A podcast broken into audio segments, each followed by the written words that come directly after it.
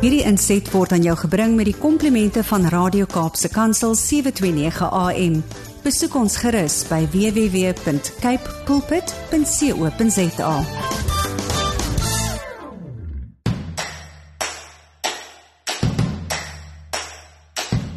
Dis ingeskakel op Kaapse Kansel 729 AM. Dit is net na 7 op Saterdag die 29ste Julie van 2023. Ek groet jou Willem van Jaarsveld met 'n hartlike warm groet hier op 'n wintersmôre en mag hierdie uh, samesyn vir die volgende uur vir jou net so aangenaam wees soos wat dit vir my is. Ons uh, kyk tussen 7 en 8 elke Saterdag op hierdie sender bietjie na landbou sake en wat op die landbou landskap aangaan. Vanoggend 10 oor 7 soos gewoonlik saad vir die saaier. Ons lees Spreuke 4 verse 23 en 24 met die tema die hart as bron. Kapstok is om 7:20 aan die beurt en veilige voedsel is vir ons almal wat verbruikers is baie belangrik. Van die plaas tot op die bord moet dinge regloop. Daarom is daar voedselveiligheidsstandaarde. Karen Botha vertel ons bietjie meer hiervan in Kapstok. Huis en Hart begin 7:30 en in die eerste deel van Huis en Hart gesels my kollega Gerda Leroux met twee Mariane van die van Karoo Blessings oor hulle Noga Nogat. Hoe sê mense dit? Ek sal maar sê Noga. Onderneming op Merwewil ook hul betrokkenheid by die hulp aan boere in droogte getuisterde dele van die Karoo. In die tweede helfte van Huis en Hart gesels Jompie Burger oor die suiwelstandaarde agentskap en hul werksaamhede in die suiwelbedryf. Stories van hoop kom omstreeks 10 voor 8 aan die beurt En stories van hoop kuier ons verder by die twee Mariane, Mariaan Esterhuisen en Mariaan Tron van Karoo Blessings. Hulle gee hulle omskrywing of definisie as jy wil van wat is hoop? Hoe lyk hoop uit hulle oogpunt gesien. So ons gaan vanmôre 'n bietjie wye verskeidenheid van sake hanteer. Ek glo dit gaan jou Saterdag baie warmer maak. Dit gaan die regte afskop wees vir dit wat die res van die dag moet gebeur hier uh, op landbou landskap en natuurlik ook op Kaapse Kansel 729 AM. Landbou landskap word aan jou gebring met die komplimente van Cape Pots varsprodukte mark en ek nooi jou om met my te gesels deur middel van die WhatsApp en Telegram nommer 0817291657.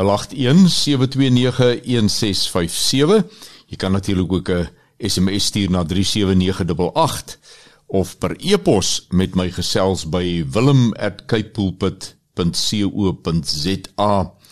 En ons gesels net hierna bly ingeskakel. Hier op Landbou Landskap bring ons twee 'n eh, baie belangrike wêrelde bymekaar. Die een is ons alledaagse lewe as mens en boer. Veral dan diegene wat in die boerdery betrokke is, wat dit hulle lewenstaak maak om vir ons kos en vesel te voorsien. Maar dan ook die ander ene om as 'n ware kind van die Here dag vir dag elke tree te beweeg, te werk, te doen wat daar te doen is vir jou as mens en om hierdie twee bymekaar te bring is eintlik nie so 'n groot probleem nie. Of sal ek sê dit kan dalk 'n probleem wees, maar dit is glad nie verwyder van mekaar nie. Die die twee loop hand aan hand. Boerdery is altyd vir my daardie een beroep waar dit absoluut noodsaaklik is dat jy met jou skepper sal stap elke oomblik ook wanneer jy raad vra en dis meer. Net hierna saad vir die saaier. Dit het nou tyd geword vir saad vir die saaier. Ons tema van ore is die hart as bron.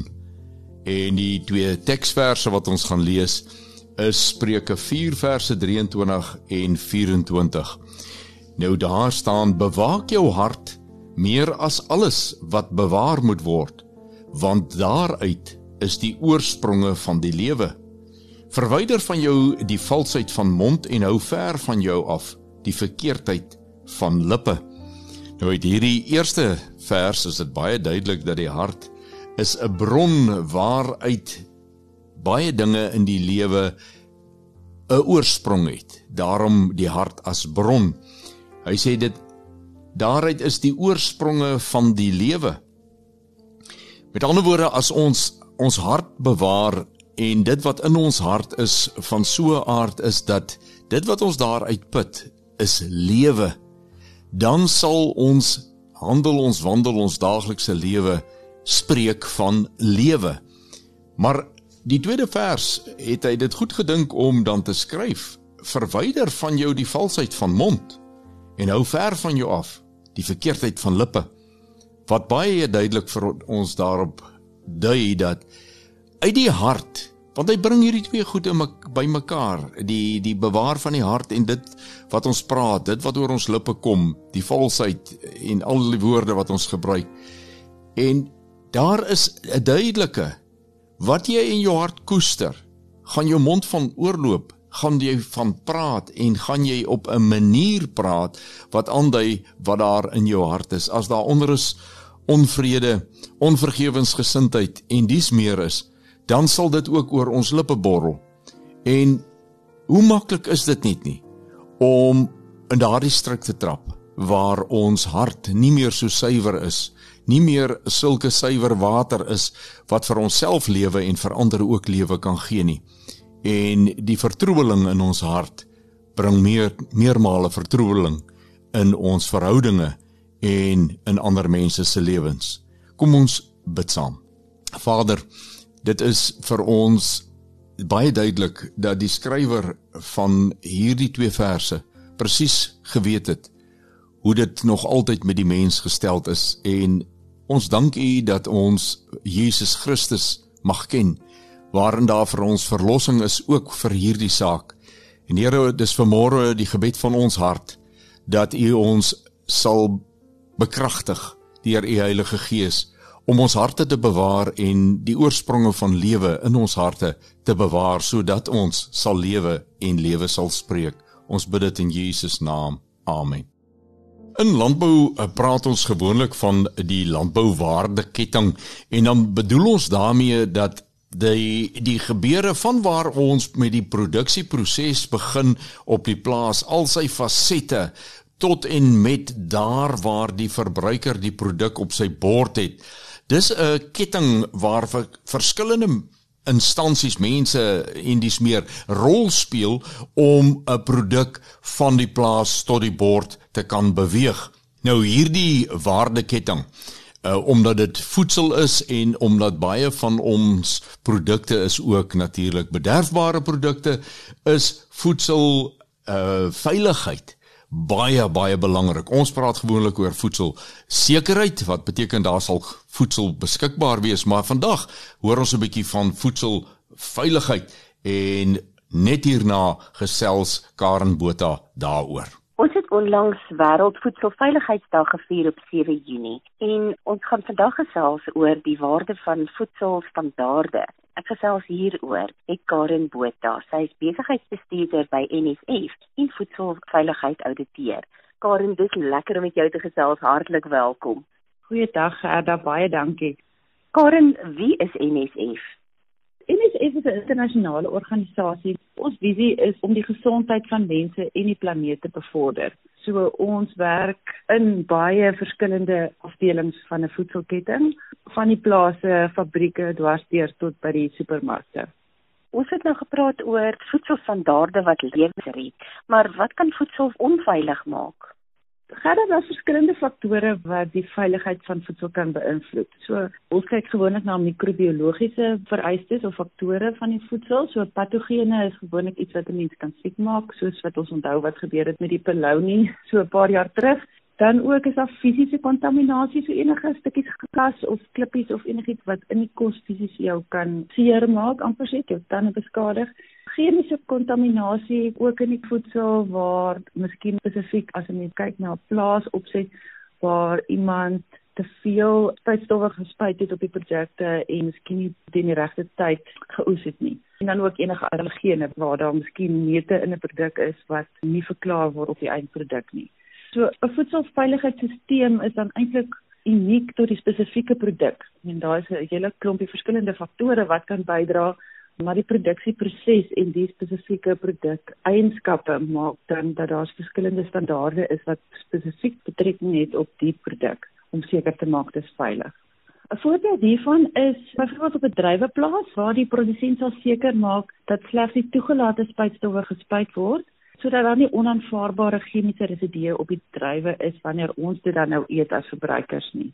Waarin hoekom is voedselstandaarde belangrik en watter rol speel dit in die bedryf? Voedselstandaarde word daar gestel om die beste praktyke in die hele voedselketting te bevorder. So dit geld dan nou vir landbou, voedselvervaardiging en die verspreiding van voedsel. En ook daar waar ons dit dan nou koop in die supermark. So beste praktyke word vervat in wetgewing en ook in industrie erkende riglyne. Hierdie standaarde is dan regtig eintlik die minimum vereistes wat daar gestel word om seker te maak dat die produkte op die einde van die dag veilig is vir verbruikers. So in Suid-Afrika is daar verskeie regulasies soos byvoorbeeld die landbouprodukstandaarde wet wat dit saamvat spesifiek nou vir landbouprodukte. Daar is ook ander wetgewing wat daarmee saam gepaard gaan vir ander tipe voedselprodukte wat meer miskien verwerking insluit. En dan hierdie tipe goeie beste praktyke sluit dan riglyne in oor hoe die boerdery kan verseker dat die totale impak op mense en op die omgewing te kan verminder. So dis goed om te weet daar is standaarde wat almal moet daaraan voldoen, maar ek dink dit is ook belangrik vir ons om te besef dat voedselveiligheid is wel almal se verantwoordelikheid, ook ons verbruikers se verantwoordelikheid en hoe ons die produkte dan stoor.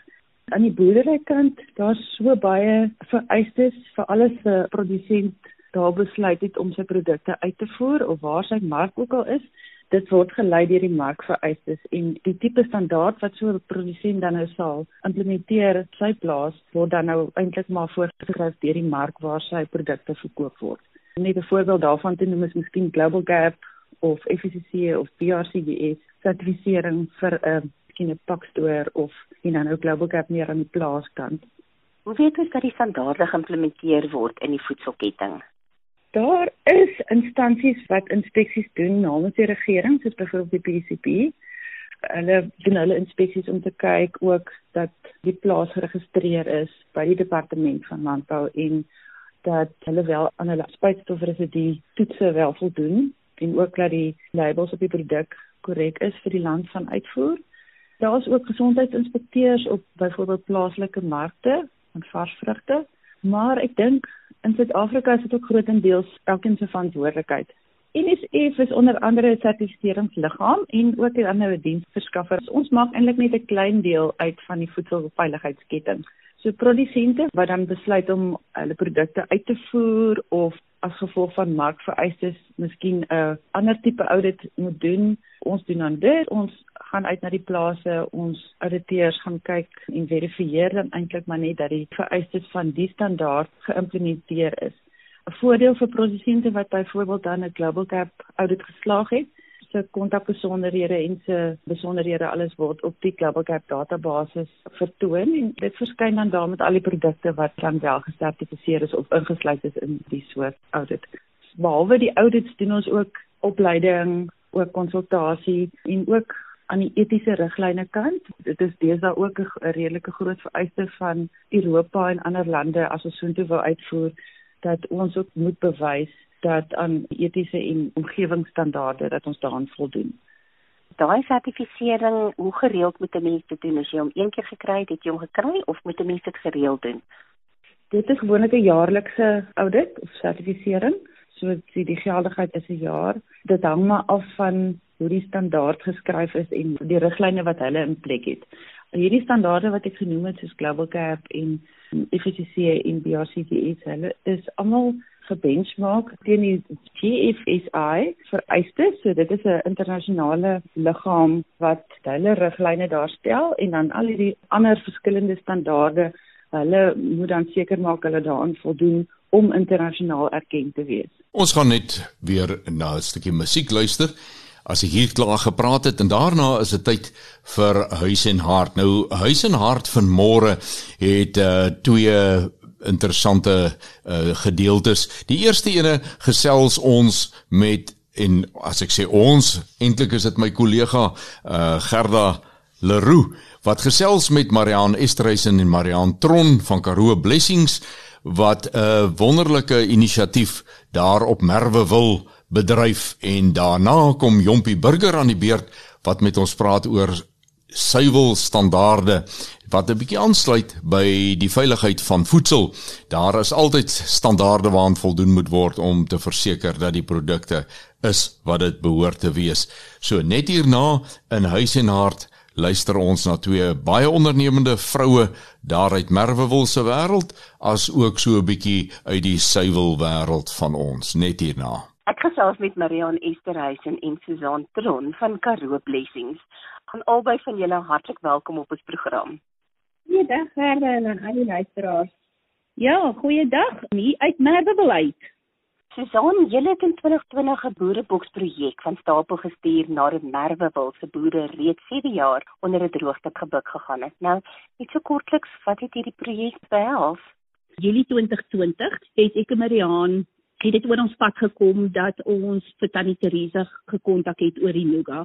Nooit het ons gedink ons droom gaan so groot raak nie, want ons eerste reaksie was om te begin en net ons mans te help. En op die ou einde was ons droom om 'n blessing of 'n seën vir ander mense in ons gemeenskap te wees. So ons het Julie 2020 die besigheid gekoop en ons het einde September het ons dit bekend gestel vir die wêreld op Facebook wat ons gaan doen. En die tannie en die boekhouer en ons mans het gesê dit gaan so jaar vat om die kostes wat ons betaal het terug te betaal en op die ou einde met al die mense wat ingekoop het in ons storie en die Here se genade het ons die einde Desember dit het ons 3 maande gevat om al daai kapitaal wat ons uitgegee terug te betaal. So in Mei 2021 toe begin ons die idee kry van die boere blessing box waarvan Marianne nou verder gaan vertel. Marianne wil so baie graag hoor. Ek sê altyd die Here het die idee gegee want dit is net hy wat 'n wen-wen kan uitdink vir mense En um, ons het besluit om die boksie te pak met al sewe ons op daardie stadium het ons sewe geure nuga gehad met ons sewe geure nuga in en dit dan vir die kliënt wat dit aankoop teen die groothandelprys te gee. En dan gee ons 'n R30 van dit vir Merwewil se boere terug. En toe besluit ons omdat ons ook 'n slaghuis het, het ek besef wat die impak op die besighede is wat die droogte het, dit is nie net die boere wat swaar kry nie, die hele gemeenskap het swaar gekry as gevolg van die droogte. En ons het besluit in plaas van om die geld te gebruik om kospakkies aan te koop, om die geld by die vier besighede op die dorp in te betaal en dat die boere dan soos 'n tipe van 'n koopbewys kry by een van die winkels waar die geld inbetaal is en dan kan hulle gaan koop wat elkeen van hulle nodig het. So ja, dit is hoe die boere blessing boksie toe ontstaan het en hoe dit letterlik eintlik 'n blessing geraak het vir die kliënte, die boere, die besigheid, die dorp en vir ons ook. Susan, vertel my meer oor die Nuka fabriek, Karoo Blessings. Divinity Nuga se ander soort Nuga, net dit eers bekendstel. Die Nuga wat ons almal kry in winkels en in klein koffieplekkies en in padstalle is 'n Franse nougat. Is die nougat die nougat wat ons maak is 'n Italiaanse nougat. So hy proe heeltemal anderste. Hy's 'n sagte smelt in die mond nougat. Die voorbereiding werk so. As ons die vir Ina het, aka ons rooi kappie, sy doen die knipwerk en die voorbereiding werk vir ons. Dit vat so 40 minute vir 'n beslag se voorbereiding. Mariaan gaan dan oor en sy maak dit. Dit vat 'n uur van dit sy begin het dat sy suiker kook tot wat sy die beslag uitgegooi het en hom plat gerol het vir 'n uur, dan lê hy in 'n pakkamer vir 4 dae na 'n week toe. Dit hang alles van die immuniteit af. Die immuniteit speel 'n ongelooflike groot rol. Na daai week se lê, kry ek die beslag wat so groot blok is en dan sny ek dit. Dit vat so ure en 'n half na 2 ure vir die sny en die verpak en dan kry ons 50 groot nougas of 100 klein nougatjies in. So dan word dit netjies verpak. Deur die verspreiding werk ons op Facebook, nou WhatsApp, mense kontak ons en ons stuur so die pakkies vir hulle. Marianne, landbourisiko sluit dinge in soos natuurlampe, ongunstige produksie en marktoestande. Watter risiko's het wat julle produksie beïnvloed? Soos ons het nou iets gepraat van die humiditeit wat ja. belangrik is. Ja, by ons is daar twee groot faktore wat ons produksie beïnvloed. Nommer 1 is elektrisiteit kragvoorsiening as my mengers nie kan loop nie kan ek nie maak nie dit is 'n redelike taai beslag so dis onmoontlik om hom met enigiets anders as ons industriële mengers te maak so as ons nie elektrisiteit het nie kan ek nie maak nie en dan die humiditeit is die een enkele ding wat ons nie regtig kan beheer nie. En die oomblik wat die humiditeit te hoog raak, dan is dit nie eers noodwendig dat dit reën nie, want hierdie hele week, verlede week en die naweek was die humiditeit hier by 60% rond. Ons het niks reën gekry en Merwe wil nie die hele Weskaap het omtrent weggespoel, maar die humiditeit omdat die lug so vochtig is, maak dit dat ek glad nie nuga kan maak nie. Sesons het dan 'n spesifieke storie van julle sonkragstelsel. Die oggend sit Ina hierso. Sy sê die oggend dat die immuniteit is te hoog en die krag is af. En sodra jy immuniteit reg kry, is die krag weer af. Dis so die een bal op die ander een en ons kan nie maak nie. Ons is verskriklik gefrustreerd en Ina sê so, "Maar wil die Here dalk nie vir julle hê dat julle maar by die huis bly en kossies maak vir julle mans en ag net goeie huisvrouens wees nie." Nou toe dit nou in die ry gestaan was vir goeie huisvrouens het ek en Mariaan heel agter gestaan. Ons sal boeke doen en ons wil enige iets doen, maar ons is nie 'n tradisionele huismamma nie. En ons kyk so vir mekaar en ons dink dalk is Ina reg. En toe net 'n rukkie daarna kry Mariaan hierdie oproep. Ja, gelukkig. Gelukkig kry ek toe 'n oproep van 'n persoon wat vir my vra, "Hoe gaan dit en hoe koop ons met die elektrisiteit wat so baie af is en die humiditeit en so aan?" En ek sê toe nee, dit is nou 'n redelike frustrasie en en ons sit redelik hande in die hare en hy vra toe maar sal ons kan doen met 'n sonstelsel en my oë raak so groot so spiering en my mond val oop en ek sê ja, maar weet julle wat kos dit? Dit is heeltemal te veel geld. Ons het na dit gekyk, maar ons kan dit net nie bybring nie. Toe sê hy, maar stuur vir my die kwotasies en dan kyk ons wat ons kan doen. Ons het toe die kwotasies aangevra en deurgestuur. Na so 3 weke het hulle vir ons laat weet hulle het die een kwotasie aanvaar en Specialized Solar Systems het toe gekom en vir ons die sonkragstelsel kom installeer. Nou is beerkrag iets van die verlede en ja, daar het ons verhouding met die Agri Relief Foundation begin en het ons hierdie ongelooflike groot geskenk gekry. Hoe gaan dit dan staan by julle en in julle gemeenskap? Reën is mos 'n wonderlike ding, dit bring altyd hoop. Maar dit het nog nie genoeg gereën nie. Byvoorbeeld een van ons plase het 9 jaar laas goeie reën gehad. Hier 'n bietjie en daar 'n bietjie, maar een keer se reën vir 'n seisoen is te min vir Karoo. So dit het nog regtig nie genoeg gereën om te sê ons is uit dit nie. En dan die ander ding is ook die scenario is ook so dit moet 4 of 5 amper na 7 jaar toe wil ek sê goed reën. Elke jaar 'n normale reenseisoen. Nou ons gemiddeld hierso waar ons bly nou, waar ek op my plaas bly, maar die Hansen sal dit dalk 'n bietjie hoër wees want hulle is in 'n berg, is 150 mm. Nou ons het verlede jaar 30 mm gekry. So ons noem dit 'n groen droogte. Dit is groen vir so 2 maande en as dit weer droog, dan moet ons weer voer. By ons voer ons weer ten volle. So ons bid nog vir reën.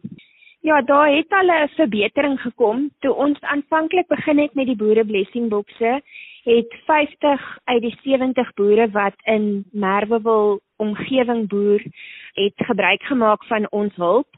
Op hierdie stadium is dit so 30. So daar het al 20 boere gesê, weet jy, ons het reën gekry want dit het strepe gereën. Daar is van die plase wat lekker reën gehad het en ander het nog nie gekry nie.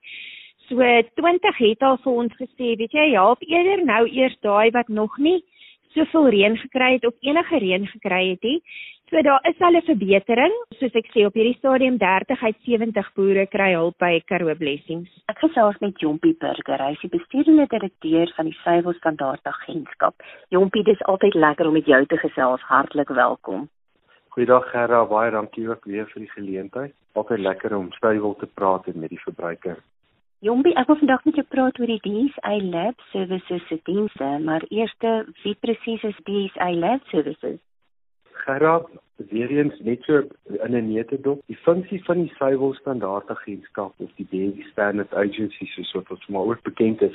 Ons is betrokke by 'n geweldige klomp monitering in die suiwelbedryf, dis een van ons mandate wat ons uitvoer. En ons moniteer met die doel om inligting te weergee Hierdie moniteerwerk gehou verband met dat ons meet om te weet uiteraard ons meet teen regulatoriese standaarde. Die primêre doel om te kyk of produkte dan aan produkstandaarde voldoen. En ek praat spesifiek van suiwelprodukte, melk en ander suiwelprodukte. En dan ook na die voedselveiligheidskomponent. Wanneer ons ontleed, is dit vir ons krities belangrik om die inligting wat ons insamel ook terug te gee aan die bedryf vir die betrokke rolspelers en vir hulle sê goed, dit is ons waarneming, maar ons sê dit ook aan die owerhede waar ons sien dat daar wel dan nie voldoenings is nie. Dit is uiteraard in die belang van die bedryf as 'n geheel, dit is 'n kollektiewe saak, maar ook natuurlik vir die verbruiker om seker te maak dat ons behou en bewaar die integriteit van suiwel oor die algemeen.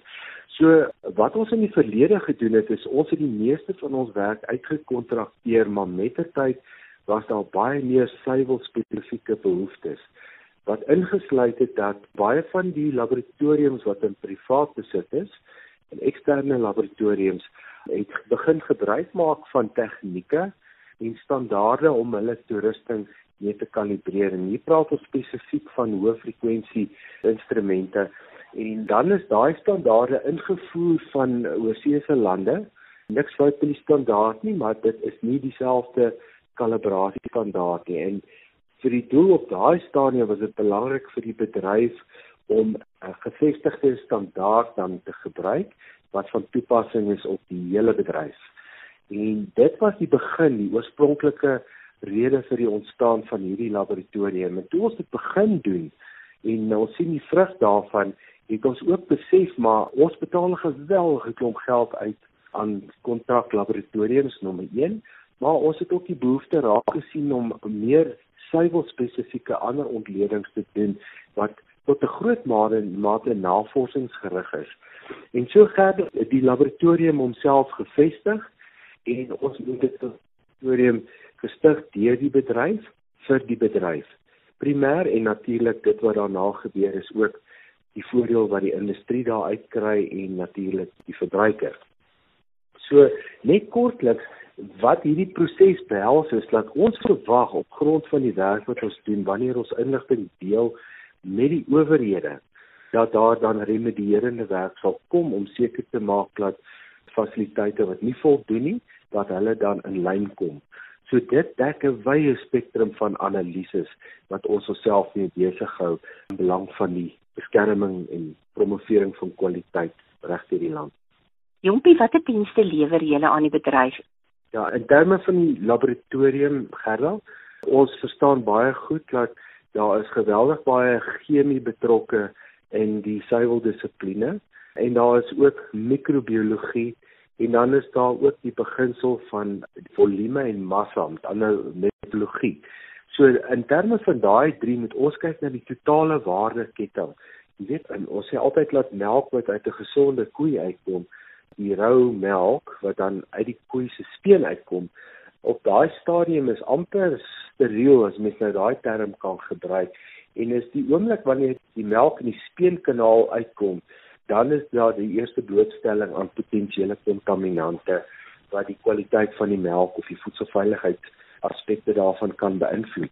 So ons begin al reeds vroeg op plaasvlak om te kyk na 'n wye aspek van potensiële diagnostiese werk wat gedoen moet word en ek sal nou terugkom daarna toe maar met ander woorde op plaasvlak wat is die chemie waarna ons kyk die mikrobiologie en so voort voordat daai melk regtig waar sy pad kan vind na die sekondêre bedryf en daar's 'n groot element van selfregulering binne in die sekondêre bedryf ook om seker te maak dat risiko's wat op die plaas ontstaan gemitigeer kan word sodat dit nie die probleme van die fabriek raak of die probleem van die verbruiker nie of die kleinhandelaar. So ons probeer dit by die bron, die oorsprong, altyd die fout opsoek en kyk of ons dit so gou as moontlik proaktief kan regstel.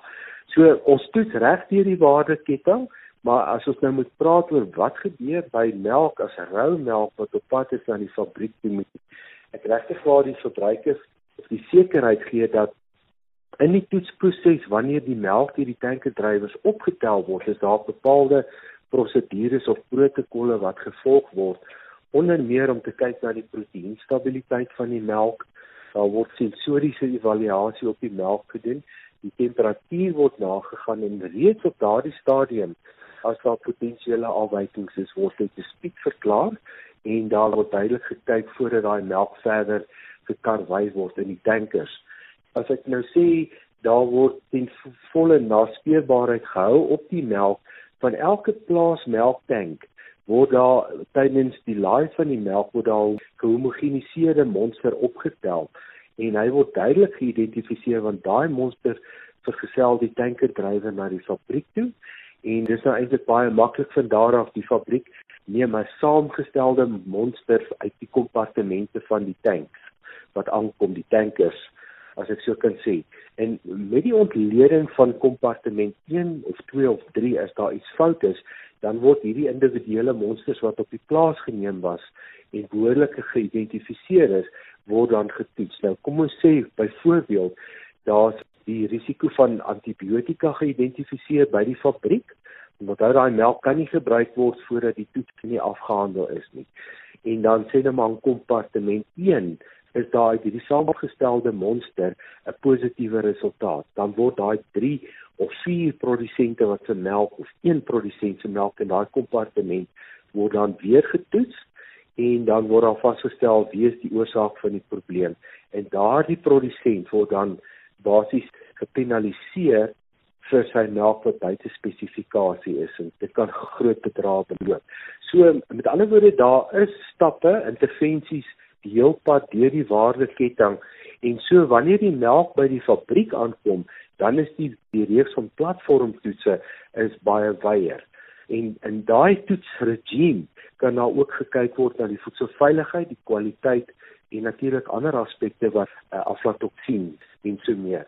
So daar's 'n reeks van toetse wat gebeur dan by die ontvangs van die melk by die fabriek en tydens prosesering van die melk, kwaliteitsaspekte en wanneer die produk klaar vervaardig is, wat is die vlak van voldoening want onthou van al hierdie produkte wat ons sien op die rak word daar retensie monsters gehou dit word bewaar om te seker te maak dat melk wat vandag gepak is het inderdaad sy rakleeftyd uitgeleef as hy dit nie reg kry nie dan moet daar remedierende aksies kom so hier kom die suiwelstandaard agentskap met sy laboratorium en op 'n ad hoc basis trek ons saam met die gesondheidsowerhede hierdie produkte van die rakke af as finale produkte en ons weet dit is wat die verbruiker in sy mond gaan sit en ons doen daai profiel van ontledings ook. Met ander woorde, ons sal kyk na die reeks van chemie wat belangrik is en microbiologie en dan al die aspekte rondom meteorologie en dan ook etikettering uiteraard is ook vir ons krities belangrik.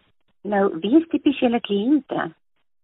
Die kliënte basis onthou ons is nie 'n kommersiële laboratorium nie, ons is nie 'n winsgewende maatskappy nie is primêr rolspelers in die bedryf. Met ander woorde, dit kan produsente wees, dit kan verwerkers wees, dit kan enige persoon wees want onthou ons sal ook klagtes hanteer.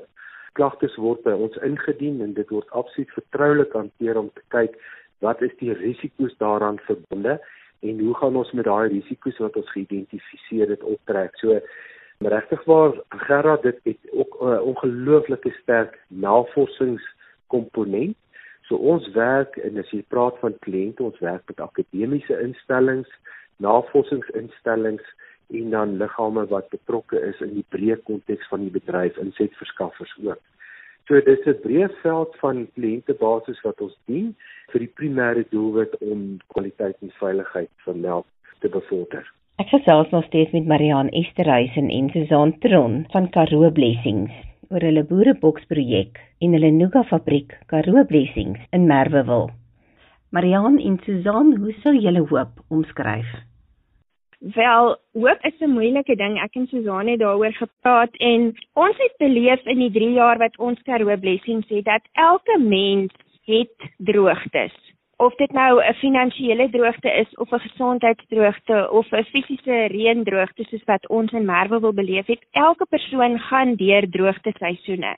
Daarom is elke persoon se hoop eintlik anders gedefinieer. Vir my is hoop om te doen wat jy kan met wat jy het terwyl jy wag vir die uitkoms waarop jy hoop. maar sonder om ondankbaar te wees met daar waar jy op die oomblik is. In 2020 se begin het die Here vir my die skrif gegee wat ek teen my muur geskryf het en dit sê vertrou Vader vir alles. Wees dankbaar vir alles wat jy kry. Geniet dit. Of dit goed is en of dit sleg is, want ons het goeie en slegte tye nodig om te groei. Jy kan nie die hele tyd net goeie goed hê nie, dan leer jy nie die lesse nie en jy raak ondankbaar as dit te goed gaan en om iets groots van hom te verwag, om die hele tyd daai afwagting te hê dat hy vir jou iets wil doen, dat hy iets goeds vir jou wil gee. En ons het geleer om aan te hou lag en om aan te hou droom. Ons het geleer dat mense, Suid-Afrika se mense, selfs mense in die buiteland, het ons hoop lewendig gehou deur in te hak en by wyse van spreuke vir ons te help dra aan die swaar waarmee ons gekonfronteer is in ons droogte. Ons het twee skrifte gekry en een van hulle was Psalm 1 wat verlede jaar eers vir ons eintlik 'n werklikheid geword het oor presies wat die Here daarmee bedoel. As jy mos na Psalm 1 boom dink dan dink ek altyd aan 'n wilgerboom wat hier deur die water sy blare vloei, wil ek amper sê en toe het hulle vir ons gesê by die kerk die eendag, maar ons is doringbome. Een van die boere het gesê ons laat hom aan 'n doringboom dink en toe ons daaroor dink, is dit eintlik so 'n amazing beeld want in die Karoo waar die doringbome so staan in die riviere, dis die plek waar net die skape kom om te kom skuilings kry teen die son of teen die wind. En ons het beleef dat dit is wat ons werk hier op Merwewil is. Eintlik gaan Karoo Blessings nie soveel oor die Nuga nie. Dit gaan nie soveel oor die lekker goed nie. Dit gaan nie soveel oor die geld wat daar uitgemaak word nie. Dit gaan nie soveel oor die geld wat die boere daar uitkry nie. Dit gaan meer oor mense wat kom en onder ons skade week kom sit, ons storie kom hoor, 'n bietjie kos kom kry, 'n bietjie lafenis kom kry en weer kan aangaan en in die proses sit ons weer 'n bietjie onder hulle skade weer. Dit is eintlik meer die hoop wat ons kry deur mense wat na ons toe kom in die fabriek en die hoop wat ons kan gee deur net dit wat die Here vir ons gedoen het deel. Want eintlik is hierdie 'n storie wat jy nie met jou verstand kan verstaan nie. Dit is 'n bonatuurlike wonderwerk storie. En dit gaan eintlik daaroor dink ek dat die Here wil vir Suid-Afrika se mense wys en vir Merwe wil se boere wys. Hy sien ons raak. Hy weet van ons elkeen en hy wil betrokke raak by ons elkeen se lewe. Het julle 'n boodskap vir julle boere in die gemeenskap asseblief? Deel van dit is Mariaan gesê het, jy huil genoeg in die droogte. Maar ons het geleer om te lag ook in die droogte. En 'n mens moenie dit vergeet nie. 'n Mens moenie vergeet om op te hou droom nie. God sien elkeen van ons se behoeftes maar hy voorsien aan ons nie soos ons dit wil hê nie. As jy vir my ruk gelede gesê het ons gaan klere draai sakke uit, het ek vir jou gelag. Wel my kinders was so ingenome want hulle het brand klere uit sakke uitgekry, maar dis nie wat ek van myself verwag het as jy sê 9 jaar terug nie. Ek sou dit nooit kon indink nie. So hou net aan. Vind wat jou hand vind om te doen, dit wat oor jou pad kom doen dit. As jy suurlemoene het, gebruik die suurlemoene. Ons almal het iets. Ons dit is soos hy vrou wat die kruikie het of gee dit wat jy het en die Here gaan dit gebruik. Nie dalk soos ons dit wil hê nie, maar hy sal dit gebruik. Het julle 'n paar dankies wat julle wil uitdeel? Ek is seker julle het. Ja, nee, ons lys is baie lank, maar uit ons hart uit heel eers met ons die Here dankie sê. Nee, ek op Marihaan het gedink. Hierdie lekkertjie en hierdie storie gaan 'n storie van hoop vir die Here raak en vir ons en vir almal. Nie so die Here wil ons eers dankie sê.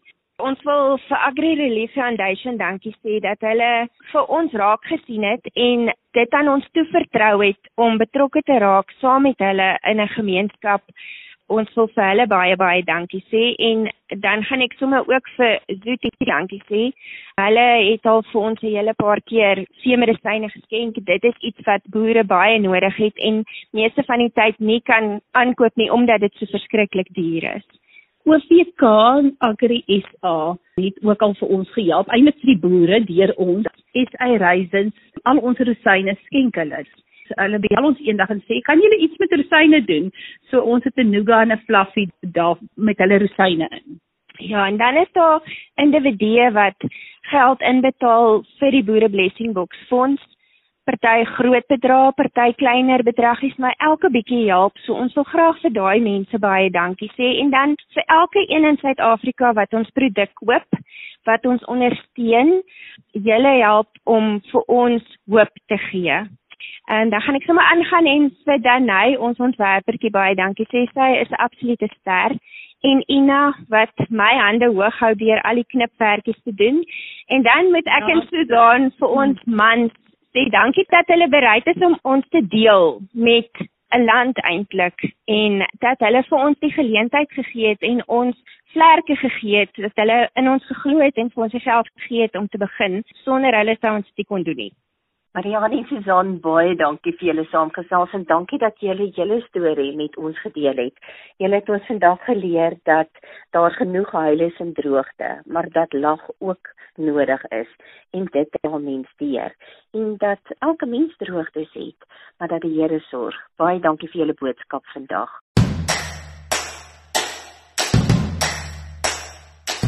So het van môre se kuiertjie tussen 7 en 8 ook weer baie baie vinnig verbygegaan. As ek weer met jou gesels, dan is dit 'n nuwe maand, dan is ons in Augustus. En ek sê vir jou baie dankie dat jy vanmôre met my saam gekuier het. Baie dankie vir elke een wat gereeld inskakel by hierdie program. Dit is vir my lekker om te weet daar's ook ander mense aan die ander kant van die eter wat na my luister en luister na die insette wat ons in hierdie program vir jou aanbied.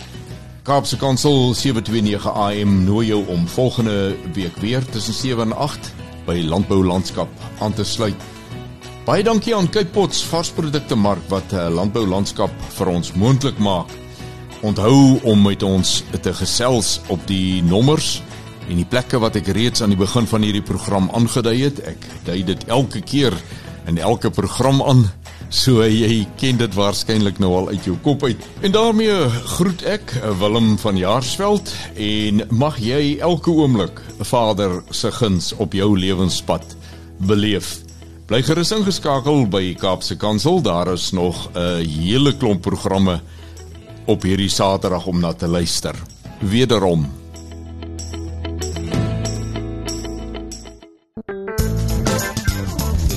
Hierdie inset was aan jou gebring met die komplimente van Radio Kaapse Kansel 729 AM. Besoek ons gerus by www.cape pulpit.co.za.